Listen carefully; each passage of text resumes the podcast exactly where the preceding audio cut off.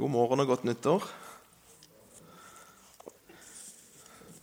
Så skal vi prøve å runde av Titus brev, siden vi har Det blir lenge med bare stålsette dere nå.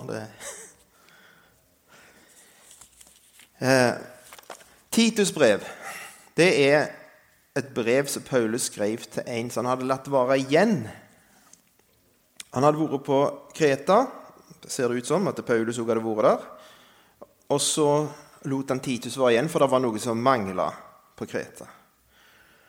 Og grunnen til at det var noe som mangla, det var for det første at Gud hadde et mål. Og det er et mål som ikke bare gjelder for Kreta, men det gjelder også for Karmøyene, og det gjelder for Sævland.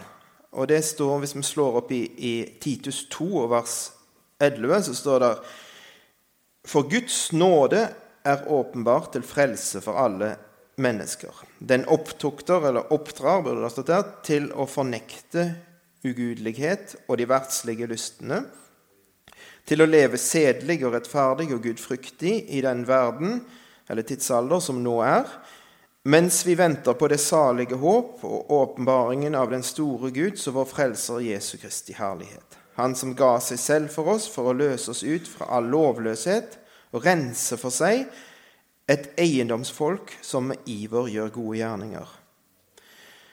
Altså, Gud ville ha et folk som med iver, altså av ei indre drivkraft, med lyst, gjør gode gjerninger. Det var det han ville ha, og det er det Gud ville ha helt i forbindelsen av. Allerede i første Mosebok, kapittel 1, så leser vi at Gud skapte mennesket i sitt bilde. Til mann og kvinne skapte han de. Hva betyr det? Det betyr bl.a. at den usynlige Gud, han ville bli synlig. Hans egenskaper, hans måte å tenke, føle og handle på, skulle bli synlig i verden gjennom mennesker. Det har vært planen hele veien, det. Men den planen så jo ikke ut så det gikk så bra med den planen der. Altså det, det, første menneskene de falt i synd, og så er det bare elendighet nesten, med noen få lyspunkter. Eh, og så kommer du til det punktet der Gud tar seg ut et folk. Og akkurat de samme ordene som vi leser her, om et eiendomsfolk det kan vi også, Hvis vi hadde tid, så kunne vi slått opp i 2. Mosebok 19. Så ser vi akkurat det samme at Gud tok ut Israel, for han ville ha et folk som skulle representere han, som skulle leve sånn som han ville at de skulle leve. Men det gikk gale. Det funka ikke. Og Hva var det som var gale? Var det, var det Gud det var noe gale med? Nei, det var materialet det var noe gale med. Og det var der òg på Kreta. For kreterne, der som der Titus ble latt igjen, de får en, en attest fra en av sine egne i eh, det første kapittelet, vers 12. En av dem, en profet av deres eget folk, har sagt Kretere er alltid løgnere, onde villdyr, dovne storheter. Dette vitnesbyrdet er sant. Så det var helt elendig materiale, et elendig utgangspunkt. Og hva er da veien ifra A til B? Er det noen vei ifra de der, det, det materialet der, og til et eiendomsfolk som med iver gjør gode gjerninger? Og en av de viktige tingene som, som gjensto, som mangla på Kreta, det var, for, det var å innsette eldste, står det i, i kapittel 1. For at det, i vers, i, det leser vi i vers 5. Jeg lot deg bli igjen, Kreta, for at du skulle ordne det som ennå sto igjen, og innsette eldste i hver by, slik jeg påla deg. Og nå vet jeg jeg er ikke dum, så jeg vet at det er ikke innsatt eldste på Josheim, hvis det ikke har skjedd noe de siste ukene. Eh, og det, det, gjelder de fleste bedehusene på Karmøyene, så vidt jeg vet. Eh, og det gjelder det mange plasser. Betyr det at det da går alt ad undas, så da skjer det ingenting? Det hadde jo vært voldsomt trist hvis det var så. Og historien vitner jo om noe annet. Men det er noe som heter godt verktøy og halve arbeid òg. Jeg har av og til kjøpt sånne hålbårer på Biltema. Det må dere aldri finne på å gjøre. For det er så, mye, det er så, det er så drit. Den der båren i midten den løsner alltid, og så blir han, eh, blir han avrunda der. så han er, han er jo, Du skal skru fast med en skrue, og så løsner skruen, og så blir det bare, det er bare elendighet. Jeg, det, men det blir jeg alltid kjøpt på biltømmer. Det er det jeg gjør, for jeg er gnien. Og så, så, lånte jeg meg i noen skikkelige sånn hullbårer her i fjor sommer. Det var helt fantastisk. Det var null problem, og det var så enkelt å bruke. Du sparer tid, og du får et skikkelig resultat. Og litt såsen er det med de tingene som Gud har bestemt. Og det er noen ting som gjør at det går bedre. Det er ikke det at det, det ikke går an å klare seg uten dem, men det var en ting som mangla, og han var så viktig for Paulus at han lot Titus være igjen for å ordne det. Og Du leser også i apostelgjerningene at i hver eneste by der Paulus hadde vært, der innsatte han eldste. Så det er en vesentlig del av forutsetningene for at det skal kunne bli såsen. At det blir et, et folk, et eiendomsfolk som er iver gjør gode gjerninger. Men Det snakket vi om, om sist gang, så vi skal ikke si så mye mer om det. Men, men det er det er redskaper. Og hvordan da? Hvordan skulle Titus komme ifra det punktet der det er onde løgnere osv., til at det ble noen som kunne innsette som eldste? For det var jo tydeligvis ikke noen når Paulus var der, eller når de var der i begynnelsen, for da kunne de bare reist. Han måtte være igjen, for det måtte, det måtte skje noe. Og hvis vi leser i kapittel 2, så finner vi ei såkalt uh, hustavler, blir det kalt. For det er flere av dem i Det nye testamentet. Det står liksom ramser forskjellige grupper av, i samfunnet.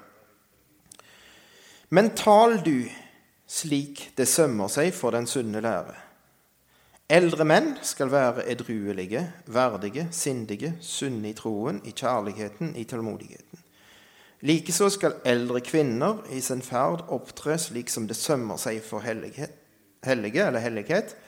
De skal ikke fare med sladder, heller ikke må de være henfalne til vin, men de må være lærere i det gode, slik at de kan lære de unge kvinnene til å elske sine menn og sine barn, til å være sindige, rene, huslige, gode, underordnet sine egne menn, for at Guds ord ikke skal bli spottet. Likeså skal du formane de unge mennene til å være sindige.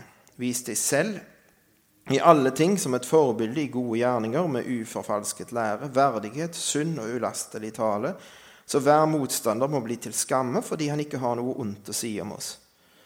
Tjenere skal du formane til å være lydige mot sine egne herrer i alle ting, og rette seg etter dem uten å si imot. De må ikke stikke noe til seg, men vise all god troskap, så de i alt kan være en pryd for Guds, vår Frelsers lære.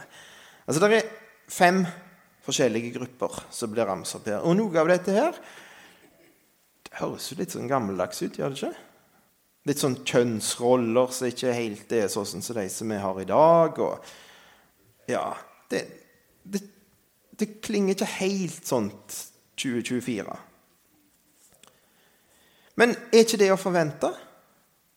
At det, det som Gud vil, er annerledes enn det som er vanlig i en fallen verden. I en verden altså Vi sang om, om rettferdsrike, men det er et annet rike som heter verden i Bibelen. Det er denne verdens gud, eller denne verdens fyrste, djevelen, er den som har makta. Er det ikke å forvente at idealene der er litt annerledes enn i Guds rike? Og da er det noe som må skje med tankene våre. For at det, det begynte med at tal du slik det sømmer seg for den sunne lære. Altså Titus han skulle si noe ut ifra Gud tanker. Og det er sunt. Det vil si at det, er, det gjør sunt. Det er åndelige mat som gjør at du blir forandra til det bedre. Og Derfor er det viktig det Hans Jakob leser òg med å ikke helle seg vekke når Guds folk samles.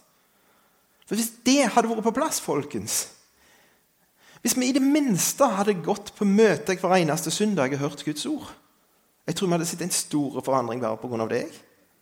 Bare én dag i veka. Hver dag. Hver uke, mener jeg.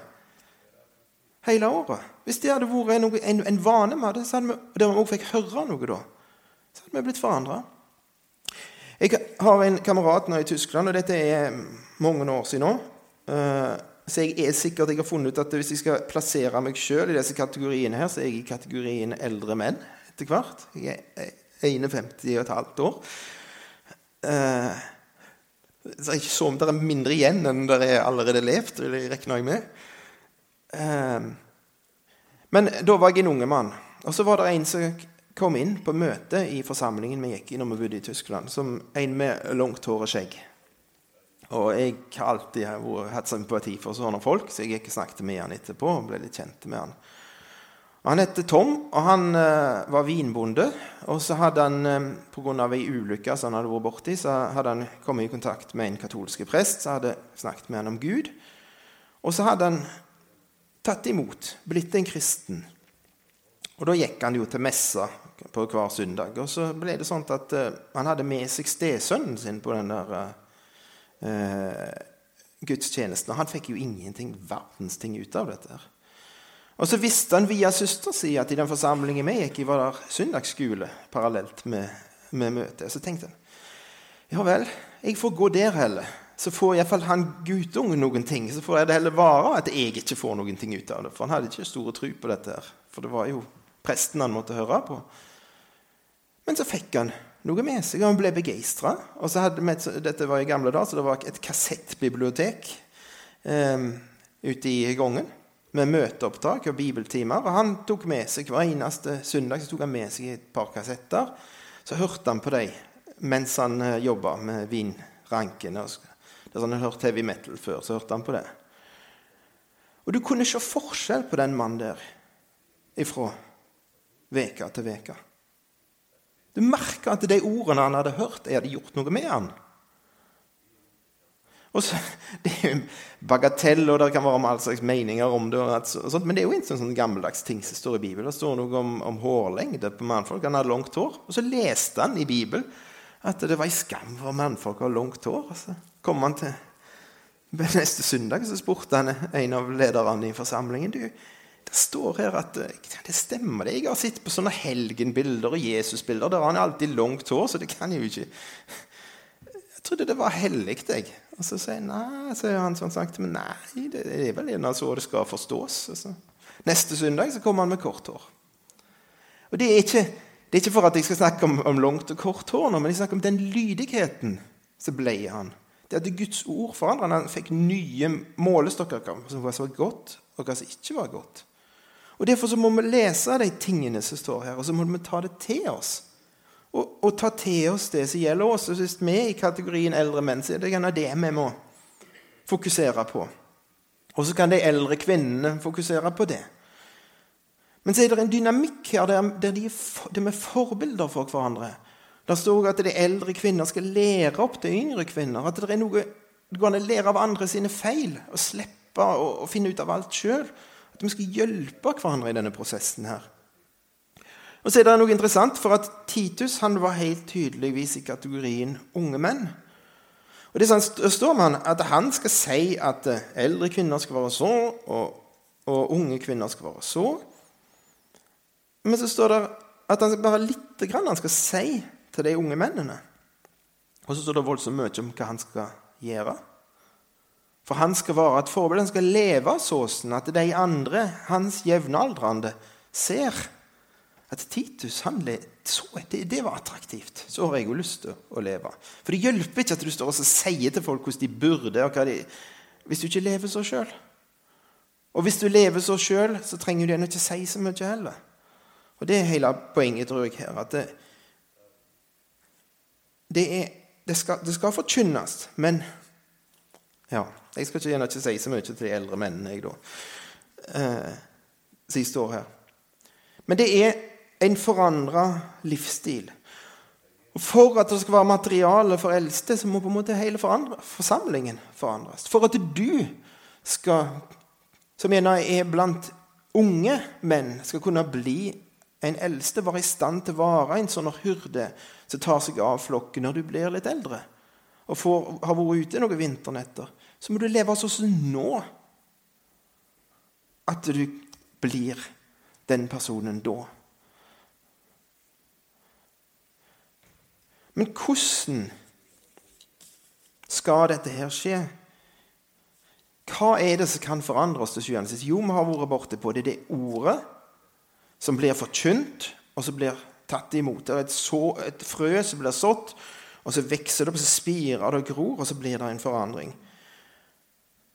Og så blir det oppsummert i det vi leste begynner med, at Guds nåde er åpenbart til frelse for alle mennesker, og den oppdrar oss. For hvis vi synger 'Amazing Grace' eller 'O nåde stor og underfull' og mener det At det faktisk er blitt noe stort for oss. Og det er pga. at vi har hørt om det, vi har minnet hverandre om det. Hva Gud har gjort for oss, hva Jesus gjorde for oss på korset. Så gir det noe med oss til. For vi får ikke lyst til å gjøre det som han ikke liker, det som han faktisk hater synd og urenhet og ting som ikke passer seg. Vi får ikke lyst til å gjøre det. Vi har lyst til å leve sånn at han blir glad. Han som gav alt for oss. Og På den måten så oppdrar Guds nåde oss. Ikke pekefinger, ikke straff, men Guds godhet imot oss. Den oppdrar oss til å fornekte ugudelighet. Altså det som er ikke i henhold til Guds vilje. Og så står det de verdslige lystene. og jeg, når jeg vokste opp, så var verdslighet eh, Det var definert. Eh, det var verdslig å spille fotball, f.eks. Og det gjorde ingenting, for jeg har aldri hatt det minste talent for de greiene der. Så det eh, Men jeg har en bror som slutta for at han trodde det var verdslig. Og det var ikke for at foreldrene mine hadde sagt det til men det var liksom omgivelsene gav han det inntrykket. Og, det var kino, og det var ditt, og det var datt. Faste regler. Men verdslighet Det er det motsatte av det som står i vers 13. Det står mens vi venter, kapittel 2, vers 13, mens vi venter på det salige håp og åpenbaringen av den store Guds og vår Frelser Jesu Kristi herlighet. For verdslighet har med verden å gjøre, og verden er som sagt det rike der djevelen regjere. Og det er et rike som er begrensa imellom den dagen du blir født, og den dagen du dør. Og alt skal pakkes inn i dette livet, og alt handler om å få mest mulig ut av her og nå for meg. Det er grunnloven. Det er ikke noen Gud, og det er ikke noen ting. Det er bare nå. Her og nå. Og når vi er troende, så har vi fått utvida perspektivet. Det er et, et, rike som er evig. Det er et liv som Vi har allerede fått et evig liv som fortsetter. Vi er allerede sett inn i Guds elskede sønns rike, og den dagen vi dør, så stopper det ikke der. Og alt vi går glipp av her, det kan faktisk være en vinning evigheten. Så det går faktisk an å frivillig gå glipp av ting for at du vil vinne noe der framme. Så verdslige lyster er egentlig det som er preget av meg og mitt og nytelse og her og nå. Og det er nok av sånne som kan friste oss og ta tida ifra oss og fokus ifra oss. Og kjærligheten til Jesus ifra oss. Og så begynner vi å elske denne verden i plassen. Og Derfor så må vi fornekte dem, si nei til dem. Jeg er ikke bedre enn dere, kanskje jeg er verre enn dere. Men jeg må lære det. Hver eneste dag, hver eneste uke må jeg lære å si nei til ting. Ikke for at de nødvendigvis er så galne alltid, men for de tar den plassen som det er en annen som skulle hatt. Og så skal det komme noe godt ut av oss, et eiendomsfolk som med iver gjør gode gjerninger. Og da ble det beskrevet, Hvis vi leser i kapittel 3, så ble det beskrevet hvordan det ser ut i praksis. Jo, det er noen som faktisk er lydige mot lover og regler. Underordner seg. Eh, det betyr ikke nødvendigvis å være enige, for det der finnes mye dumt av lover og regler. bare spør Hans Jakob. Eh, men det står i forarbeidene til arbeidsmiljøloven så står det at eh, Det er farlig å si sånt. Jeg, jeg tenkte meg om. Bare kjør etter, du. så står det at vi skal altså en arbeidstaker skal underordne seg arbeidsgiveren sin. Og Det betyr ikke at du er enig i arbeidsgiveren din i alt han, han, bestemmer. Og det betyr heller ikke at han ikke er en idiot, for det er han av og til. Men det betyr at du, pga. at han er sjefen og du ikke er det, så gjør du det han sier. Hvis det ikke er et høyere prinsipp som sier at du ikke skal gjøre det for det er noe gale med det. Så det betyr å bøye sin egen vilje og innordnede organer. Det forholdet skal vi ha til styresmakter og myndigheter for at deres jobb skal funke, for at det skal bli et godt samfunn. Være lydige, alltid klar til å gjøre godt, ikke spotte noen. Det er ikke alltid like lett. Å snakke drit om folk, gjerne til folk òg av og til. Ikke være stridslystne, men milde, og vise all ydmykhet mot alle mennesker. Og så er det noe For òg vi var en gang, og dette er en diagnose på de som ikke tror Uforstandige, ulydige, villfarende, slaver under mange slags lyster og begjær. Levd i ondskap og misunnelse, forhatt og hata hverandre. Og Hvis du tviler på at det er sånn, så bare les kommentarfeltene. Det er så mye hat og dømming at det er helt, helt grusomt av og til.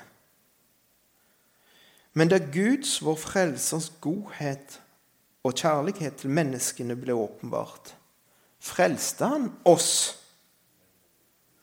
Og hvis han frelste oss, så kan han frelse de andre òg, de der ute. Og det er en av grunnene til at vi skal leve av sånn som det står beskrevet her. For at de skal få en smak av en annen verden, en annen herre, et annet rike. Og han frelste oss ikke pga. at vi var bedre enn andre, ikke pga. at vi hadde gjort, hadde tatt oss i sammen og dratt oss sjøl opp etter Tatt oss i nakken og, og lufta oss sjøl opp. For det kan vi ikke. Ikke pga. rettferdige gjerninger som vi hadde gjort, men etter sin miskunn ved badet til gjenfødelse og fornyelse ved Den hellige ånd som Han rikelig har utøst over oss ved Jesus Kristus, vår frelser. Hva var det, det? Altså Her er det noe som Gud har gjort med oss. Han har, han har bada oss. Og Hvorfor trengte vi å bli bada? Jo, for det var, nok av skit som måtte renses vekk. For vi var ikke så mye bedre, er ikke så mye bedre i oss sjøl enn disse kreterne som vi har lest om. Vi har det i oss, vi òg. Hvordan skal vi bli forandra til sjuende? Ja, da vi hører Guds ord, men du kan, du kan høre Guds ord hele livet. Men hvis det ikke er skjedd dette her som vi leser her med deg, så hjelper det ikke. Guds ord kan ikke forandre et menneske som ikke har opplevd badet til gjenfødelse og fornyelse ved Den hellige ånd. Hva er det for et bad? Mange leser dåpen. Og jeg, skal, jeg, er ikke enig i det, samtidig som jeg tror at det har med dåpen å gjøre. Men la oss bare se på det. Det er vann. Det er bad. Og så står det 'badet til gjenfødelse og fornyelse ved Den hellige ånd' i vår bibel. Men egentlig så står det på grunnteksten står det bare 'gjenfødelsens og fornyelsens bad'. Og Det kan bety Derfor kan det oversettes sånn som du oversetter det her. At det er badet som gjør at du blir gjenfødt og fornya. Men så kan det òg leses som at gjenfødelsen og fornyelsen er et bad. det å bli gjenfødt, det å bli fornya, det er å bli vaska, det å bli rensa. Det er noe skit som henger på som blir tatt vekk. Og, og så er det en ting til. Hvem er det som har gjort dette? Hvem er det som har tømt dette vannet på oss? Jo, det er Gud. Badet til gjenfødelse og fornyelse ved Den hellige ånd, som Han rikelig har utøst over oss ved Jesus Kristus, vår frelser. Altså Gjennom Jesus så har Gud tømt noe vann på oss. Og Nå blir dette her litt kryptisk, sant? Men skal vi prøve å forstå det litt, og da skal vi gå til Johannes evangeliet, kapittel 3. Eh, for der kommer Nikodemus til Jesus. Og så sier Jesus til ham i vers 3.: Sannelig, Sannelig, sier jeg deg, uten at en blir født på ny, kan han ikke se Guds rike. Nikodemus sier til ham, hvordan kan et menneske bli født når han er gammel? Kan han vel annen gang komme inn i sin mors liv og bli født? Jesus svarte, sannelig, sannelig, sier jeg deg, uten at en blir født av vann og ånd, kan han ikke komme inn i Guds rike. Det som er født av kjødet, er kjød, og det som er født av ånden, er ånd. Undre deg ikke over at jeg sa til deg, dere må bli født på ny. Vinden blåser dit den vil. Du hører den, hører den suser, men du vet ikke hvor den kommer fra, og hvor den farer hen.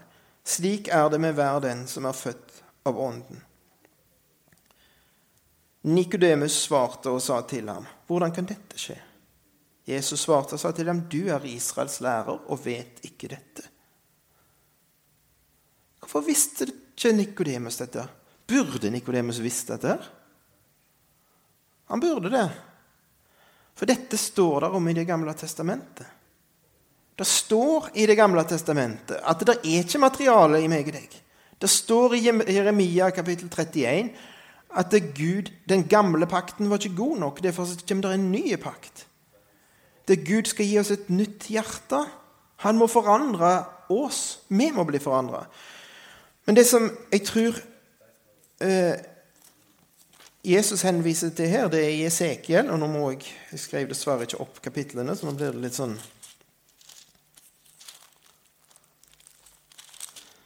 I kapittel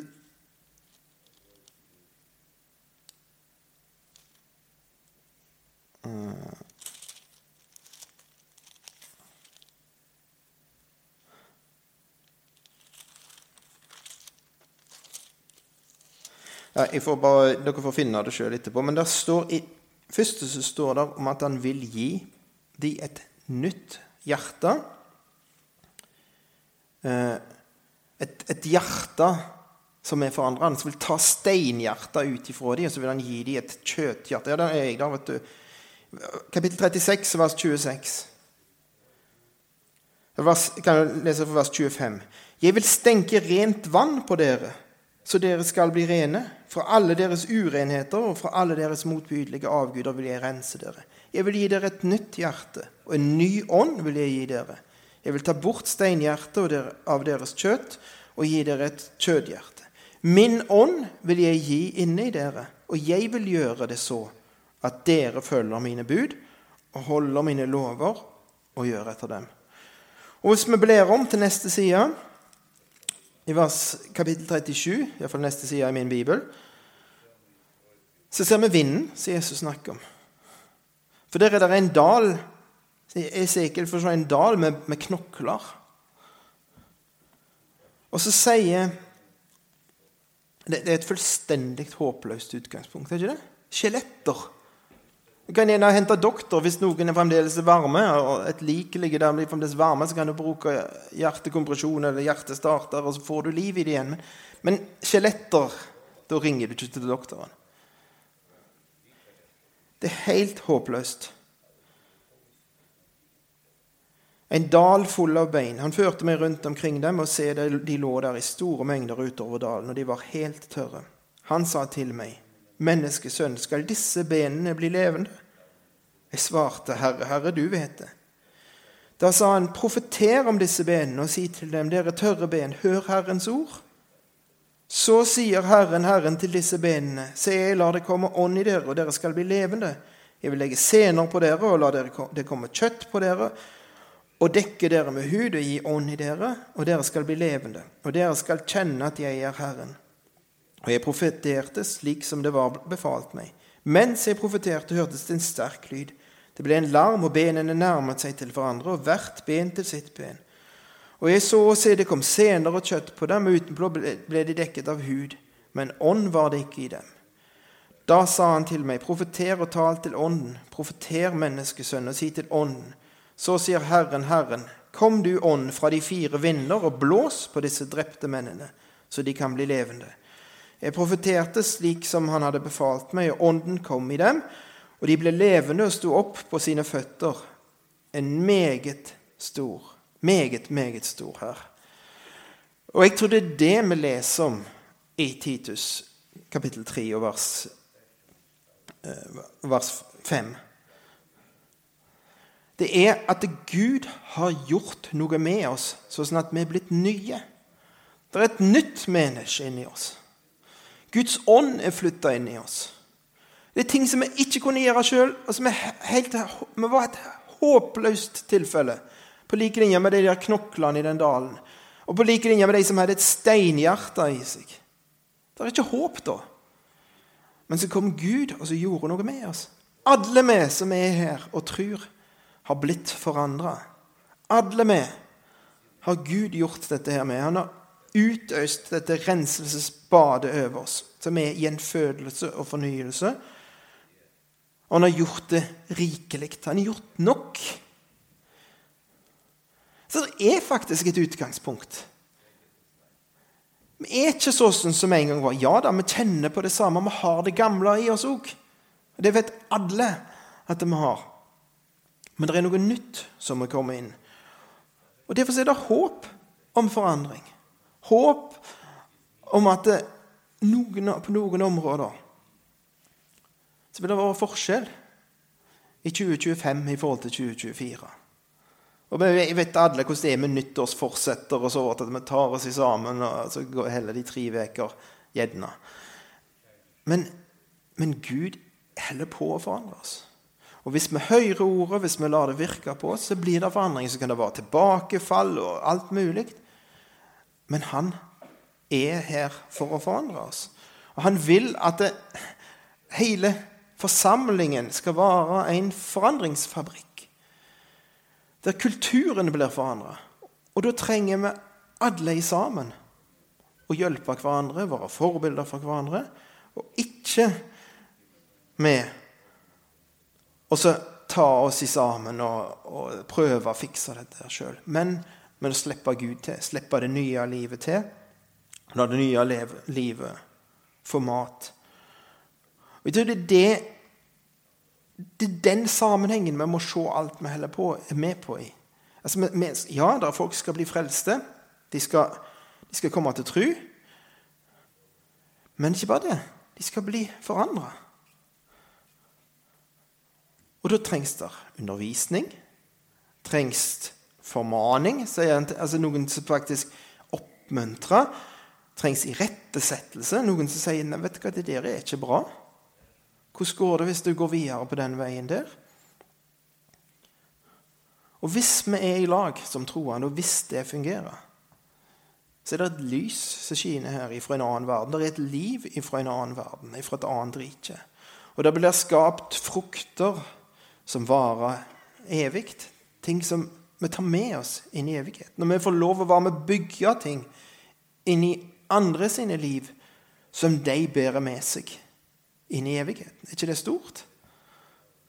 Og da får vi hver for oss se hva som er vår oppgave, vår plass. De tingene som trenger forandres i oss, de tingene vi kan hjelpe med. Og så kanskje reiser Gud opp noen av de verktøyene som gjerne mangler i verktøykassen. Det håper jeg. Far, jeg takker deg for at det er du, det er du som gjør dette. Det er din sak. Det er ikke noe som du har overlatt til oss og bare sitte og kikke på, men du er med, og det er ditt, det, det er ditt prosjekt. Så må du lære oss å jobbe i lag med deg. Gå på de veiene du vil. Hjelp oss å hjelpe hverandre. Ber for denne forsamlingen her. Ber om at ordet ditt må få forkynnes klart, og at det, blir gode vaner som gjør at folk får høre det, at blir, folk blir forandra. At det, ja, det er et, et lys som skinner ut her ifra Josheim, ikke bare på, fra dette møtelokalet, men ifra de folkene som går her. At det er ditt folk er her og lyser midt iblant. En, en slekt som ikke bryr seg om deg, som har vendt ryggen til deg. Så er det noe som lyser, noe som stråler, noe attraktivt. Det ber jeg om i Jesu navn. Ber om at du får viljen din med oss alle. Amen.